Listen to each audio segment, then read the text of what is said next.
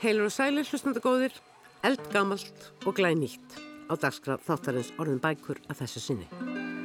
Forna rýmur, en líka splungu nýjar og nýjasta stjarnan í breskum bókmyndaheimi. Þó hún sé írsk, hún sali Rúni, sem vakti mikla aðtikli fyrir tveimur árum fyrir fyrstu bók sína sem innan við ári síðar kom út hjá Benedikt í þýðingu Bjarnar Jónssonar. Strax í fyrra kom svo ný bók eftir Sali eins og fólk er flest og þóttu hún jáfnvel enn betri enn fyrsta bókin og var meðal annars tilnæmt til bókavelununa. Nú er Bjarni líka búin að þýða þá bók. Við ræðum við Bjarnar í síðara helmingi þáttarins. Við byrjum hins vegar á nýræðu Amhalsbarni.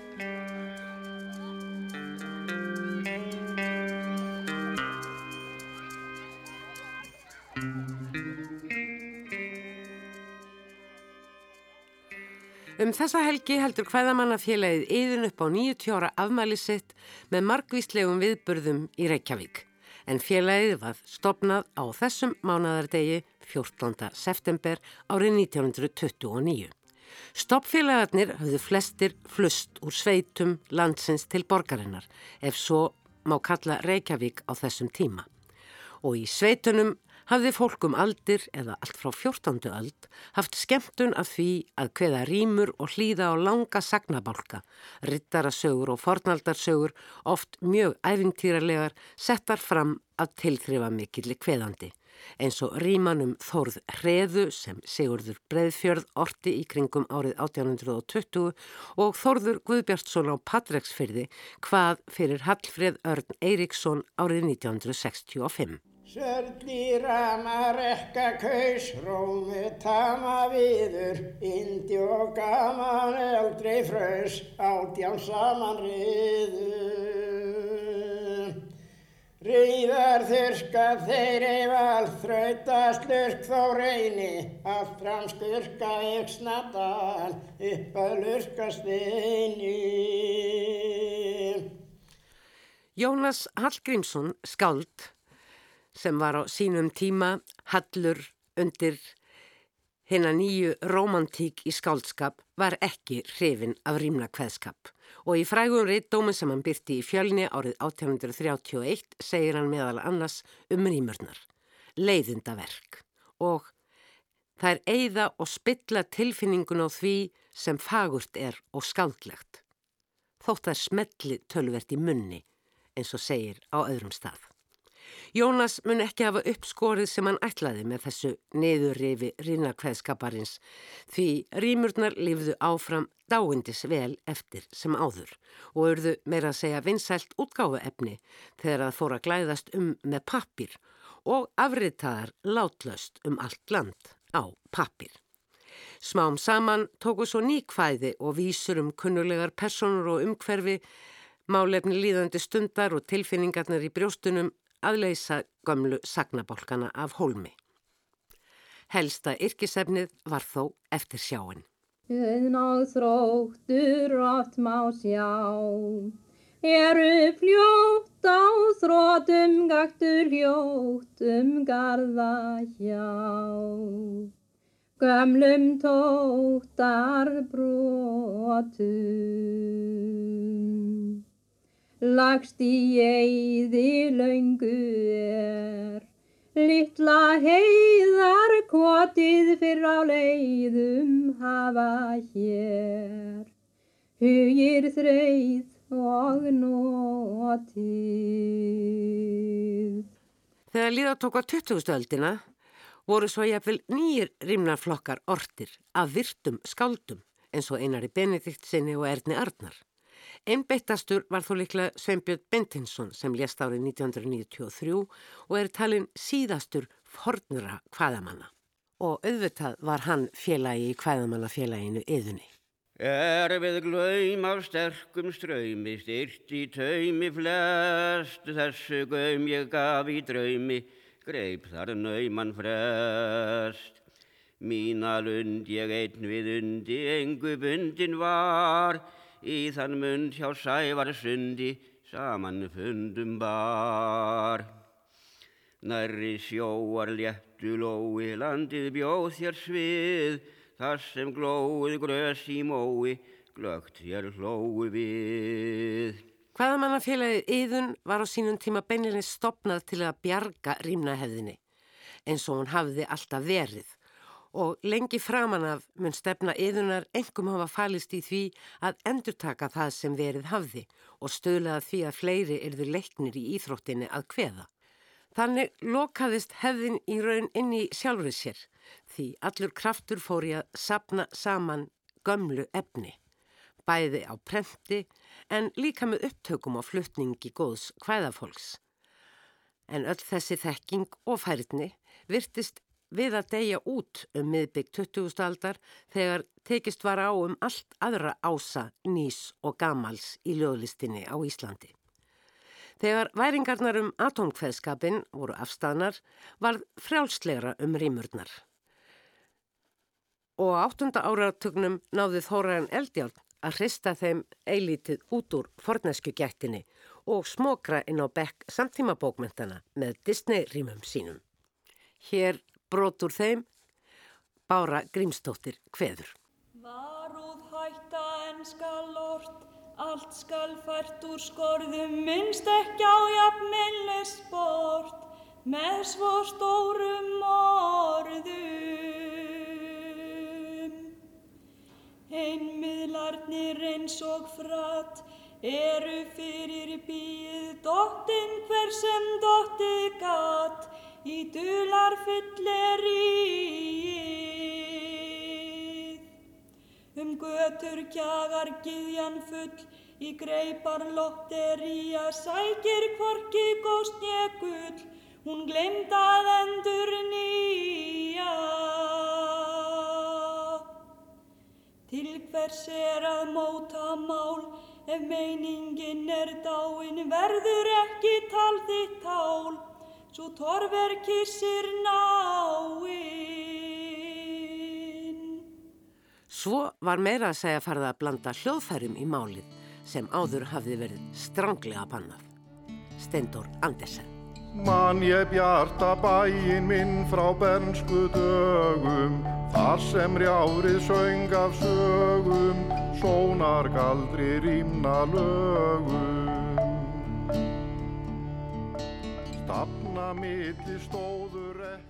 Og þá var ekki langt í að rafhljóð og hvaðina bættist við. Sigur Rós. Allt er borið burtu gróm Bæði af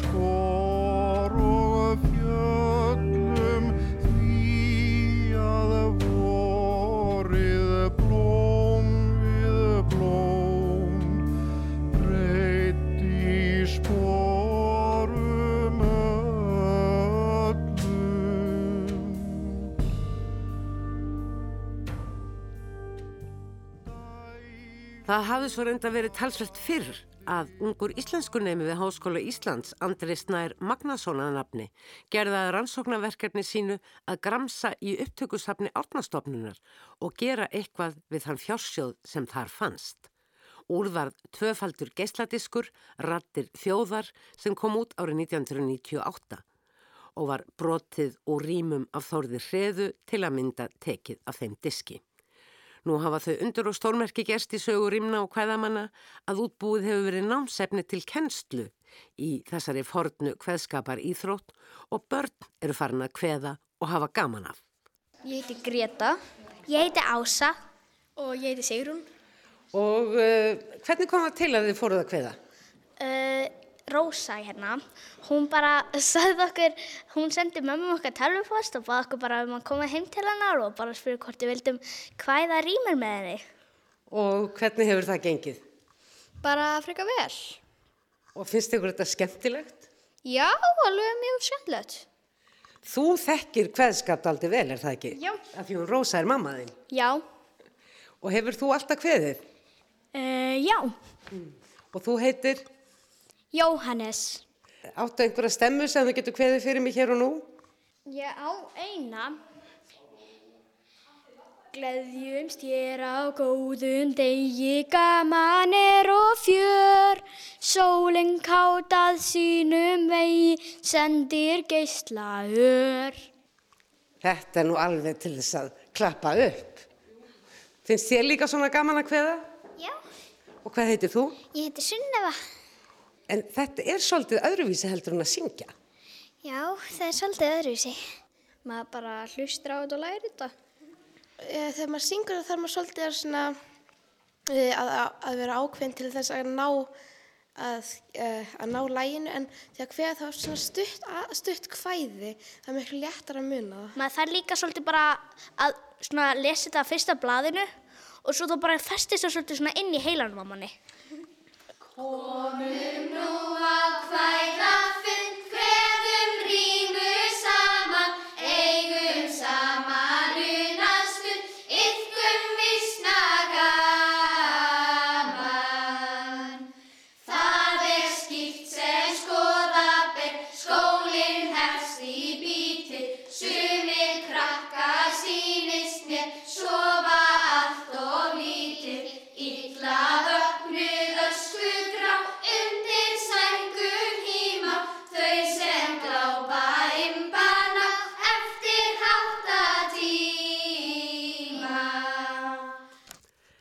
Þetta var rýmnahópurinn ungi hennar Rósu Jóhannsdóttur kvæðakonu á síðustu æfingu fyrir ammælisháttíð kvæðamannafélagsins yðunar. Hópurinn hvað upphaf splunkunýrar rýmu, stúlurímu eftir Ragnar Inga Aðalstensson sem gerði tekstan, lagbóðin er hins vegar eldgamall. Rósa Þorstensdóttir, þjóðfræðingur og rannsóknarlektor við stopnun Árna Magnússonar hefur verið félagi í kvæðamannafélaginu eðunu um árabil. Auk þess að hafa reitt stýrt útgáfu svo kallara segulbanda eðunar. Ég byrjaði að vinna hér á Árnastofnun að, gera þjóðfræði sapnið aðgengilegt árið 1995 og uh, þá auðvitað kynntist ég strax rýmnakveðskapnum sem að var til í upptökum hér. Uh, svo var það einhver tíman sem að ég man nú ekki hvort það var stopnunin eða háskólin eða einhver sem að var að halda uh, uh, ráðstefnu hérna út í háskólabíói. Og þá ákvað ég að, að vera með upptökur af rýmnakveðskap og leifa fólki að heyra í hlénu og, og svona og þá kom ég mitt Andri Snær Magnússon og hann kom og hlustaði á þetta. Og hann, þá sagði hann, hann, þetta, hann skildi ekki í því að hann væri búin að vera fjögur ár í að læra íslensku við Háskóla Íslands og búin að læra um rýmur sem bókmyndagrein en hafði enginn sagt honum að hann gæti farið nýri kellara henni átnagarði og fengið að hlusta á rýmur hvernar og upp úr þessu kynntust við Andri og, og rættum daldið um þetta og þetta endaði svo á því að við sáum saman um diskin Rattir sem er endar hefur fleira heldur en rýmur, það er alls konar, það er svona sínishorn af alls konar hvæðagreinum, mm. sungnum og hveðnum, það er líka sálmar og þulur og fólki núna hættir til sko að því finnst allt vera rýmur sem að er hveðið eða sungið á svona hefbundin hátt, mm. alveg sama hvað það er. En þetta er uh, mjög uh, fjölbreytileg flóra. Já, og sjálfa rýmurnar eru þetta sérstök bókmyndagrein, þessi laungu sagnakvæði sem að eru orrt undir ákveðnum bragarháttum og, og þarf að fara alveg nákvæmlega eftir þeim reglum. En svo eins og þú hefur minnst á, þá fer svo fólk að yrkja alls konar kvæði og lausavísur undir þessum sömu háttum mm. og vegna þess að rýmna lögin, eða sem eru líka stundum kallið kvæðalög og stundum líka kallið stemmur, eru þannig að þau, þau eru ekki först við einhvern ákveðin texta. Þú kveður til dæmis ekki rýmur af þórðir hreðu við eitthvað ákveði lag og svo rýmur af Kristan og Indjönu eða hvað hva, við, við eitthvað ákveði lag. Mm.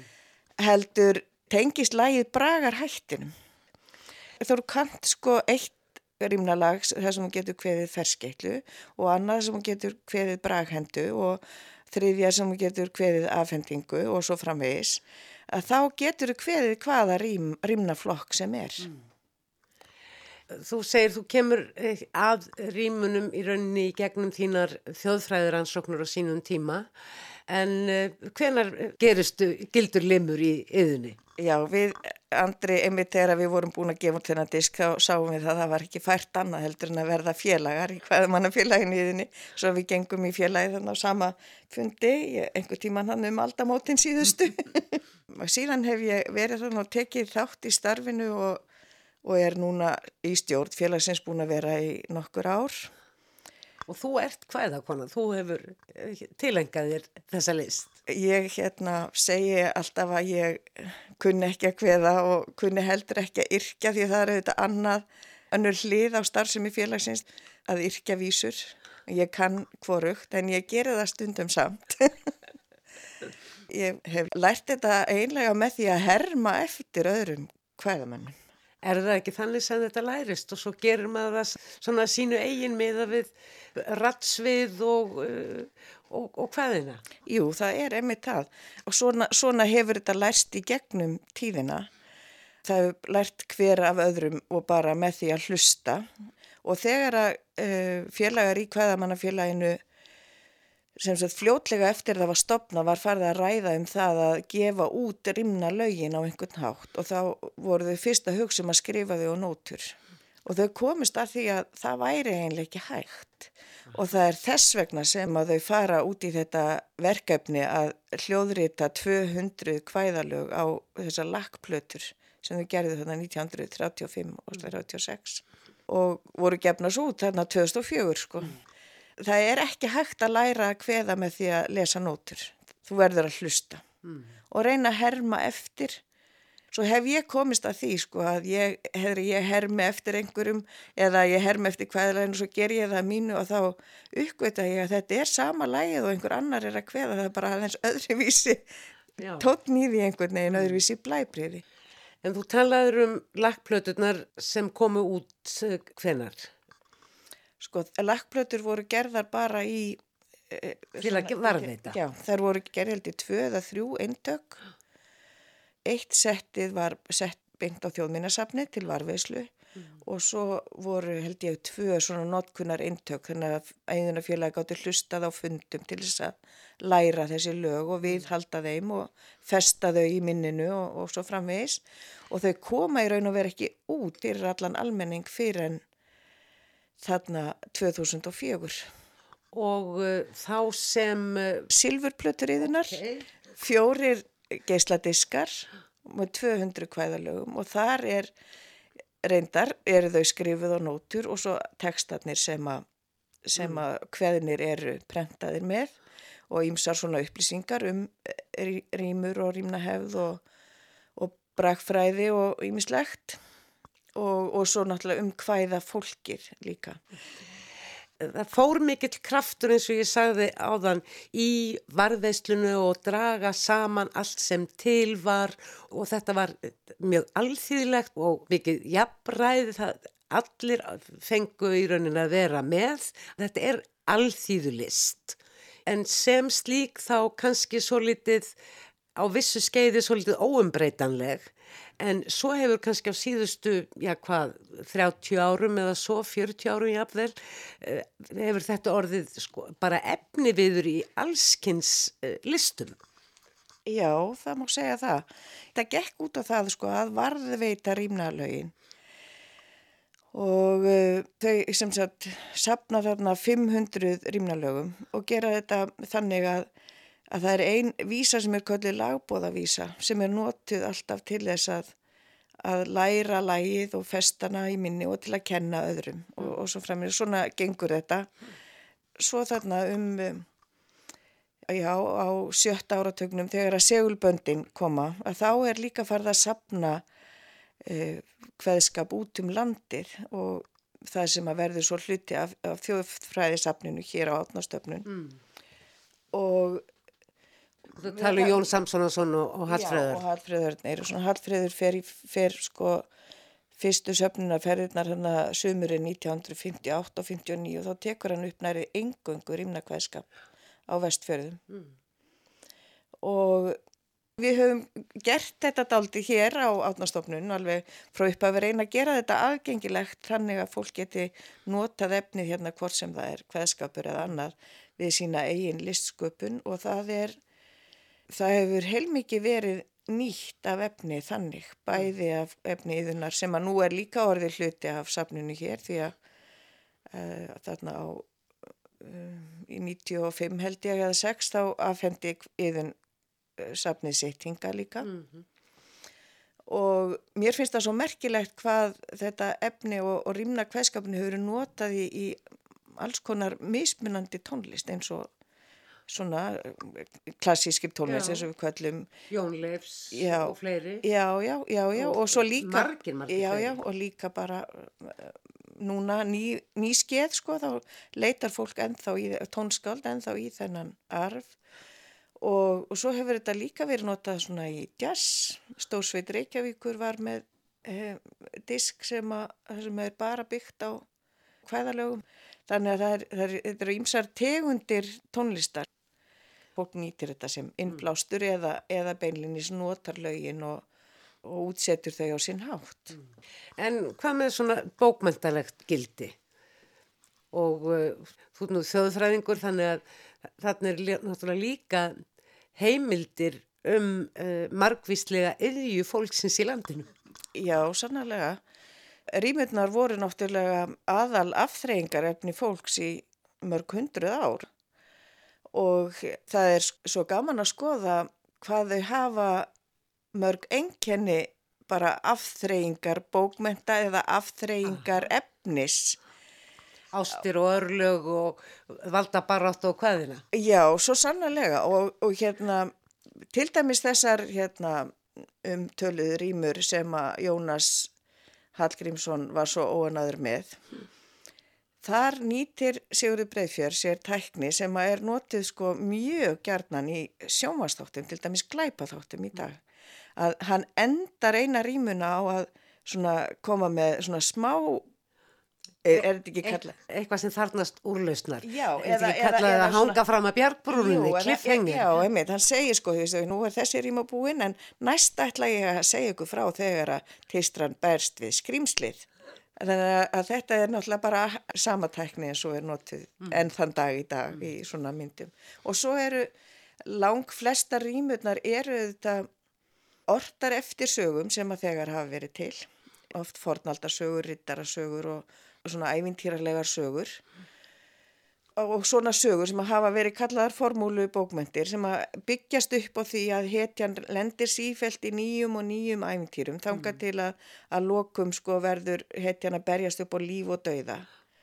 Þetta er náttúrulega mjög oft sko söguefni í rýmum og, og, og þetta er bara eins og er í bíómyndum, í öllum þessum æfintýramyndum, í, í Lord of the Rings, í Harry Potter eða.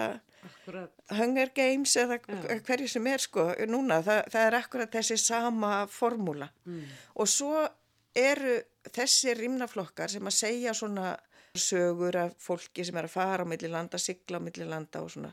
Það er alltaf einhver bardagalýsing í þeim og oft fleiri en einn og það er alltaf sigling, alltaf lýsing á siglingu og þetta er náttúrulega eins og bara James Bond myndirnar, þar sem að hann lendir alltaf í eldingaleika og alls konar faratækjum og hann sefur alltaf hjá finna fallegu konunni sem að reynist svo vera svika kvendið. Þetta kemur samt ekkit í veg fyrir það að við viljum sjá nýjustu Bondmyndina og það er alveg eins með rýmurnar, við viljum alveg heyra aðra rýmu sem að er kannski með þess, þessi element líka sko. En svo verða líka til síðar, láta kannski þessir sagnabálkar eitthvað undan og það er verða tjáningaríkari uh, vísur og uh, ég vil segja bara ljóð sem að uh, eru síðan kveðin. Já, vegna þess að rýmnalaun eru svona, þá er hægt að kveða allt sem að er ortundi rýmna háttum. Ég er nú svo sem ekkert alveg með bókmyndasöguna á reynu Nei. sko, hvenær þetta byrja, en ég, en hafa ekki Íslendingar alltaf ort um allt sem að gerist. Tilfinningar sína, náttúruna, Bústörfin Já. og, og eftir sjána já, þegar að verður breyting á, á háttum. Já, já, maður sér það mjög oft sko þessa þrá eftir sko heimahögunum í þessum kvæðum sem, að, sem eru kveðin til dæmis á vegum í, í safni yðunar. Og en svo koma líka sko nýja rýmur sem að eru, rýmurna fara að verða kannski svona meira gamansamari. Já. eiga að vera svolítið fyndnar og svona kannski sjötta og sjönda áratögnum þá hafi menn jável verið að yrkja svona gamanrýmur um hvern annan. Nýttnin. Já, einmitt. Og það er, það hefur líka verið að því að nú fyrir nokkrum árum þá var um, gerð kvartning til yðnarfélaga þeirra sem að yrkja, að yrkja nú nýja rýmur og þær hafa flestar verið svona. Þær segja einhverja sögu en e- eru fyndnar. Fyndnar og stundum kannski mjög lokal. Já, en já, já. Og þó ekki. Og þó ekki. Það er til dæmis rýma um hérna fótboltamannin sem ég mann og ekki núna hvað heitir sem að beita annan í eirar í einhverjum leik, sko. Það er af uppvexti hans og, og sem að hann er svo hámarki með þessu. Þannig að það er ekkit endilega lokal, sko. Mm. Er sæmileg endur nýjun í hvaðamannafélaginu yðunni? Já, það er bara töluvert að ungu fólki sem hefur komið inn núna alveg síðust ár og Og það eru stöðut í rauninni uh, á síðustu árum hafa ný hvaðamannafélag verið stopnuð. já, einmitt. Það byrjaði á, kannski á Akureyri, þar sem að hvað mann viljaði gefjun var stopnuð fyrir nokkuð mörgum árum og svo hafa þau sprottið upp bara hvert af öðru, Árgali á Suðurlandi og Snorri í Borgafyrði og Gná í Skagafyrði og Vassnesingur á Vassnesi, auðvitað þarf að vera kvæðamannafélag þar, þar sem eh, Jón Lárusson bjó og þau sískinin frá Bergstöðum á Vassnesi sem voru stoppfélagar í kvæðamannafélaginu voru mjög góðir kvæðamenn öll sískinin og eru ymmit í upptökunum þarna á Sjöluplötunum. Þetta gengur svolítið í ættir. Já, það virðist gera það en ég kom inn í þetta algjörlega að ská á allar ættir. En þetta er gaman. Já, það er mjög gaman og bara ættir sem flestir að mæta og fundi hjá yðinni og kynna sér starfsemina og, og skemmta sér með okkur hinnum. Ég þakkaði fyrir spjalli Rósa Þásnesdóttir og hjartanlega til hamingi með þennan háa aldur. Mér heyrist að félagi beri aldurinn vel. Já, það gerir það sannarlega. Þakkaði fyrir.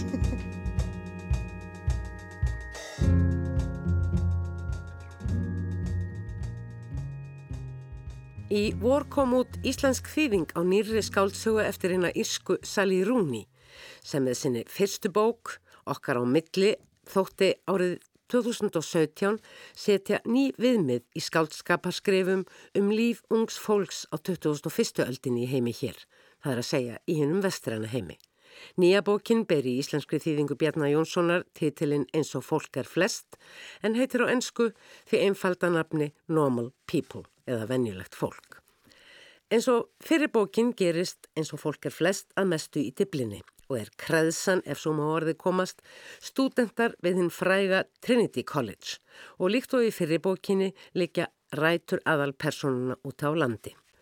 Það er í héræðinu Slækó á vestuströnd Írlands í bænum Kariklia að saga þeirra Connells og Marianu hefst. Kariklia er 20.000 manna bær og þar þekkja allir alla. Þau Connell og Mariana Sheridan eru á síðasta ári í mentarskóla. Hún er af auðugu fólki en Loren, einstað móðir Connells, annars þrif og þvotta á heimili fjölskyldu Marianu. Connell og Mariana umgangast ekki í skólanum. Hann er vinsall og á marga félaga, hún er einræn og vinalös og les leiðina til svon í fríminútum. Nánari kynni takast með þeim þegar Connell ekkur móður sinni eða sækir hann í vinnuna á heimili Marianu. Þau spjalla og líður vel saman, en í einrúmi, því Connell má ekki til þess hugsa að einhver viti um kynni þeirra og undirstrykkar það strax við fyrsta koss. Þetta var gott, sagði hún. Hann kinkaði kolli, kingdi munvatni, leit einu sinni enn á bókina. Marjana fór að hlæja af því að hann var eitthvað svo álappalegur. Eins og honum hefði fundist að dónaskapur að tala um kossin. Hann var vandraðalegur á svipin. Ok, sagði hann, að hver eftir hlæja? Engu. Það er eins og þú hafið aldrei kistnit. Þetta var líki fyrsta sinn, sagði hún. Hann brá hendinni fyrir andlitið. Hún hló aftur. Það setti að henni óstöðvandi hlátur og það endaði með því að hann fór líka hlæja. Eirun á honum voru blóðrauð og hann hristi höfuðið ákaft. Augnabliki síðar stóð hann á fætur, hjælt enn á bókinni. Ekki samt segja neinum í skólanum, sagðan. Hvernig detti þér í huga ég fara að tala við einhvern þar? Hann gekk út úr herbygginu. Hún let sér renna veiklulega niður úr glukkakýstunni og á gólfið þar sem hún settist flötum beinum eins og tuskubrúða. Henni fannst eins og Connell hafi mætt heim til hennar til þess að leggja fyrir hann að próf sem hún hefði staðist með kossi.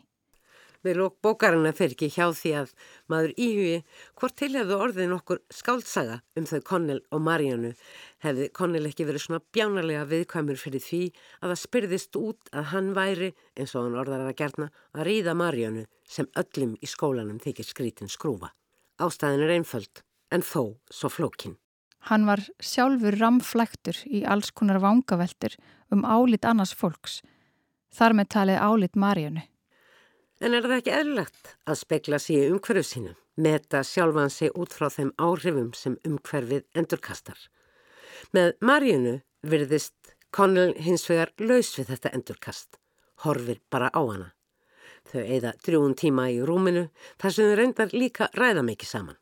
Þau hafa sveipaðan húmor og eru einleg og áhuga sumum hugsanir hvers annars.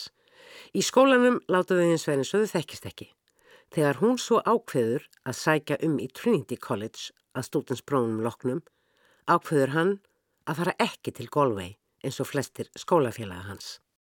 Tilvera hans er bundin við Karriklega. Þar eru allir vinnir hans. Ef hann fari í háskóla í Galway væri hann í raun og veru áfram í sama félagskap og gæti lifa lífinu sem hann hefur alltaf dreymt um að lifa.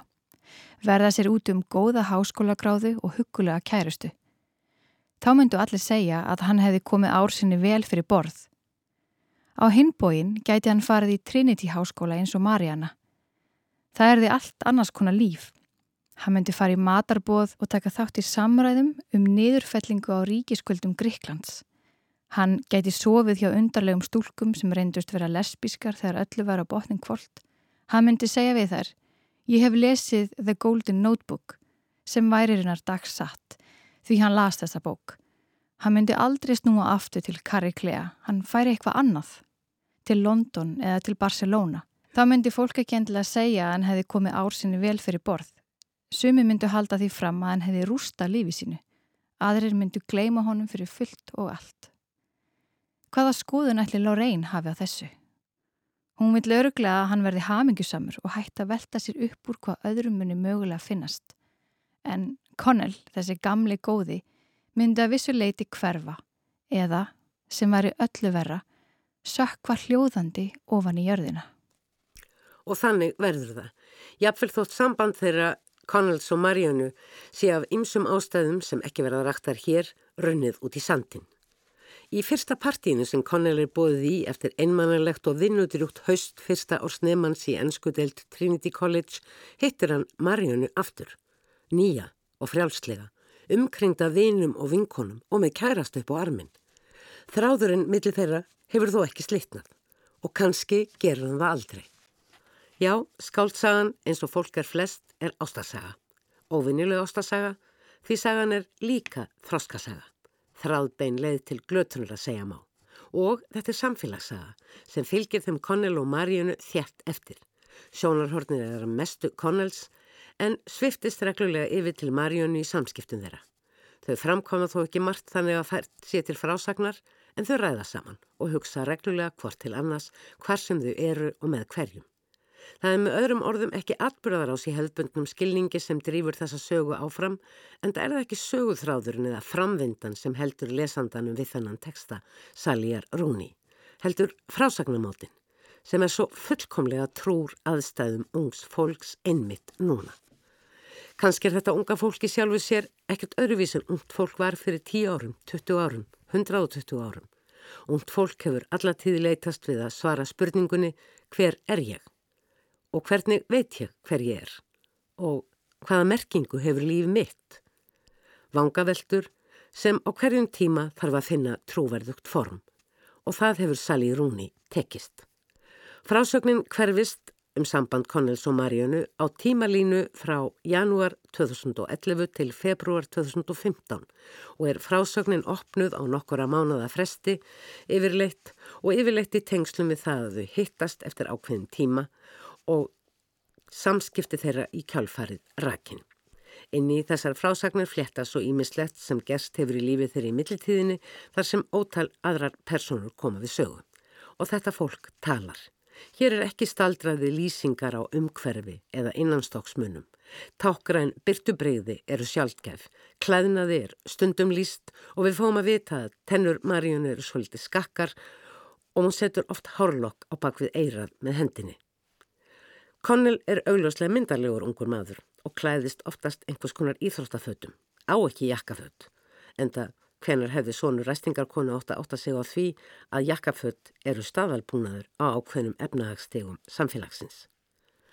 Bjarni Jónsson leikskáld þýtti báðar skáldsögurnar sem Sally Rooney hefur hingað til skrifað yfir á íslensku og hann er hingað komin. Bjarni, þegar að þú last okkar á milli mm -hmm. með það fyrir augun náttúrulega að þýðana vantanlega, hvernig kom þessi bók þér fyrir sjónir? Sko, þessi fyrir, fyrir bók Sally, okkar á milli, mér fannst hann alveg rosalega svona hressandi, já, segir svo þér. Mm. Það sem er kannski mest spennandi við þá bók strax og reynda bara við Sally sem höfund mér finnst hún verið alltaf svona hitamælir á sína eigin kynnslóð og hún er fætt 1991 og er svona að brasa núna í gegnum þennan þrítugsaldur sem er nú tiltalega flókin aldur held ég bara á öllum tímum. Mm. og kannski ekki síst núna verður allavega ekki einfaldari. Og mér fannst eitthvað eins og merkjaði hvernig hún náði hvers konar einsinn hún hafði og hvernig hún náði að flytja það yfir í bókarformið svo árenslu löst bæði í gegnum bara stílinn, prósastílinn uh, síðan auðvitað bara tók ég sérstaklega eftir því að því ég er nú leikskáld tók ég náttúrulega sérstaklega eftir því hvað hún er flink í samtölum og hvað hún næra miðla ofbóðslega miklu í gegnum einföld og uh, áhugaverð samtöl kannski bara tvekja persóna og í rauninni sviðslýsingar en öfugt og leikritin eru þar þessar sviðslýsingar eftir á Já, það er einmitt.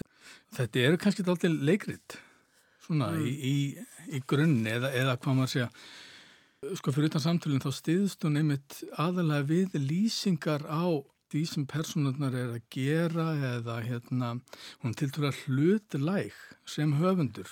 Hún er mjög þjætt upp við personurnar í frásögninni. Já. Sjónarhornið er þröngt. Það er mjög þröngt og hún flytur það sko mjög öðveld á milli persona og sko, ég hef það ekki á tilfinningum þegar ég er að lesa þessa bækur að, að þarna sé svona rödd höfundarins einhvern veginn yfir og undir öllu heldur fá einhvern veginn allir allar personar fá bara sinn fókus mm. og ef þær fá mál að þá, þá er fókusun á þeim og höfundurinn svo sem ekkert að mikið að, að trana sjálfur sér fram. Mér fannst eins og að merkilegt, ég las nú uh, gaggrinni og umfjöllunum sögurnar í blöðum frá ymsamlöndum og þar er mikið talað um að hún lýsi ekki um hverfi og þvínlíku og það er að sömuleiti rétt en að sömuleiti ekki vegna þess að hún bregður upp örmyndum, kannski bara í einni setningu og eins svona lýsingar á födum eða lykt. Já, þetta er svona stílbrað hjá henni, það er að eins og bendir réttilega á að, að mann finnst það kannski svona við fyrstu sín eða lestur að það sé einmitt ekki mikið verið að svona sviðsetja umhverfið að, að því leytir sem við náttúrulega kannski oft fáum í gegnum uh, skáltsugur en uh, hún er í raunni alltaf að byrta okkur einhvers konar mynd af umhverfi persóna, hún er alltaf að íja að mögulegum uh, ástæðum eða orsökum fyrir hegðan persóna án þess að maður geti sem lesandi alveg geirir nelta í hvert einasta sinn að, að hérna, já, já, það er nú svona sem að personan er, því að hún mun höfundurinn með kannski eh, mjög eh, litlum bröðum örliti setna eh, algjörlega kolvelta þeirri hugmynd. Kolsteipa því, sko. Hún er mjög flink við þetta. Ég hérna, hef unnit aldrei á Írlandi í síðustu árin sem, sem sagt, dramaturg og hef náttúrulega mikið verið og komið til Dublinar Aha. og hérna eh, mér finnst hún nota sér umhverfið alveg ofbóðslega mikið.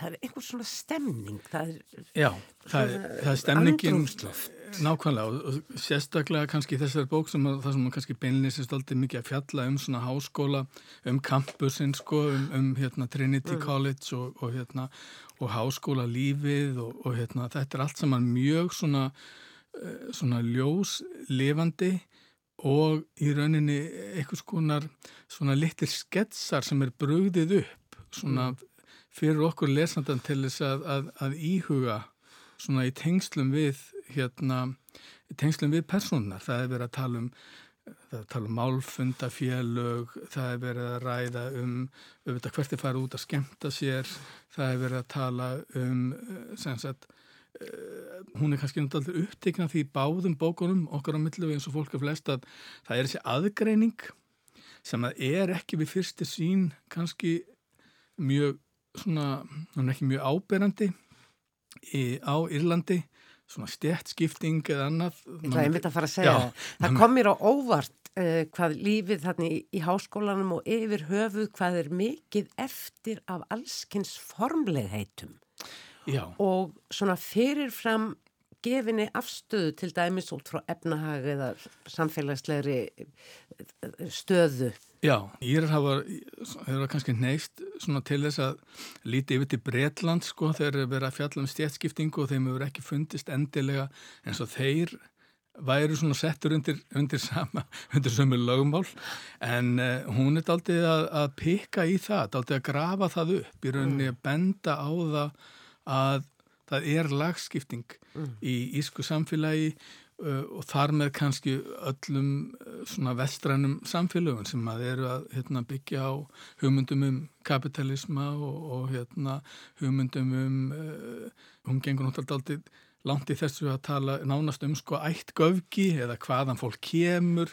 Og það er reyndar mjög mikilvægt á Írlandi en þetta er dag að fólk Og kannski mikilvægara hér á landi heldur en við kannski viður kennum eða gerum okkur grein fyrir. Já, þeir eru náttúrulega, við, erum, við erum lík írum að því, leiti að við, við tengjum mjög mikið í gegnum fjölskyldur, uh, kunningskap og skóla og annars líkt. Þetta, þetta heldur sér, íþróttafélög, þetta heldur sér alveg langlegin í gegnum lífið uh, líka hérna fyrir sunnum okkur. Mm. Ég var nú að líta yfir ferilennar sem er náttúrulega ekki langur en hún á uh, býstna margt sameinlegt með personum sínum í uh, engum og sérlegi eins og fólk er flest. Mm -hmm. Hún uh, sjálf var í Trinity College eins og allar personurnar í Jú, þessum uh, kreðst, eða langflestar og hún laði stund á bókmyndir, enska bókmyndir Mm. og setna líka á stjórnmálafræði. Og hún skiptir þessu svolítið upp, hún þekkir þetta umhverfi mjög vel. Og maður getur alveg ímynda sér að hennar leið til skáldsins og rittöfundarins hafi kannski ekkit verið sérlega ólík leið Connells. Reyna að átta sig á eigin tilveru með því að skrifa um það sem að fyrir augu ber. Og nú sjálf líka sagt í viðtölum að talandum þessi samtöl, uh, hún sé reynlega solgin í samtöl ef hún heyri þau einhver staður og hreipi þau þá gætna niður. Og uh, svo, um, tala um hann sem einhvers konar hitamæli á sína kynnslóð, að því leitinu til er hún, er hún mjög nálagt, þó ég tala um hann sem hlutlagan höfund, þá er það náttúrulega auðvitað í bara frásagnar stílnum. Mm. Hún náttúrulega svona passa sig á að í rauninni að taka ekki beinlýns afstöðu með einum eða neinum í sögunum en uh, maður finnur að bæði sögu efni, efnið eða, eða innihaldið og líka eins og til dæmis samtölu og annað er, maður finnur þetta mjög nálagt henni Þann, sem, sem höfundi sko, Ég, maður skinnir Ma- höfundin þannig Maður skinnir höfundin einhvern veginn sko bara mitt á meðal persónuna. Það stendur ekki fyrir utan hópin. Nei, hann er nefnilega kannski eins og þú ert að hérna, tala um henni, henni hún hafi sagt í vittunum að, að, að, að sér finnst gaman að hlusta á vit, uh, sko samtöl, það er kannski það sem hún er alltaf að gera í, sem höfundur, hún er bara alltaf að svona lappa fara á milli persónuna og, Mm. og hlusta eftir svona mæla, sjá hva, hvað er í Mm. gangi hjá þeim og, og ímyndstikarnum samtöl eða, eða lýsingar á gjörðum þeirra. En þó þetta sé svona mikil persónusaga og uh, nú er ég að tala um eins og fólk er flest og aðalega þessar tvær personur að þá er þetta líka mikil samfélagsaga og þarna er hliðargrein þetta er ástasaga og þetta er þroskasaga, þetta er persóna sem ætla sér að verða rítuðundur. Mm. Það fræga uh, tema mm. skálskaparins og skáldsagna. En þetta er líka saga um samfélag og þetta er saga um ofbeldi. Mm. Áttaði sér kannski ekki á því fyrir en maður komið svolítið inn í bókina hvað svo spurning er í rauninni áleitin og mikil drivkraftur í sögunni. Já, það eru þetta nokkur lög sem eru í, í bókinu sem er ansið svona sterk, miklu sterkari heldur en, heldur en svona er við fyrstur sín þegar maður fyrir að kafa ofan í hana. Ofbeldið sannlega þessar tvær aðal personur, Connell og, og Mariana sem að hérna, eh, verða, já við skulum leif okkur segja að þau verði ástfangin í mentaskóla með, hérna, með svona ymsum útúrdúrum og kannski einmitt eru, eru svona leiðir þeirra einhvern veginn mun samopnari heldur en að þau gera sér grein fyrir. Um leið og þau alltaf að reyna að koma sér svona einhvern veginn í sundur eða, eða einhvern veginn að eidilegja þessi samskipti. Þau beri enga ábyrð hvort og öðru samband þeirra hafa engar afleðingar og svo framvegs. Þá er sam, sambandið að verða í rauninni sko sífælt þéttara og samopnara á þess að þau hafi hugmynd um það og það er eins og þau fáið aldrei líka útrás í þessu sambandi sínu fyrir farangurinn sem þau koma með af heimilum sínum sem að er aldrei, maður má náttúrulega ekki segja of mikið sko, Nei, fólk, fólk verður að hérna, lesa bókina. En, en, en bæði einhvern veginn endaðu á að, að speikla e, umhverfið sem að þau koma upp úr. Mm.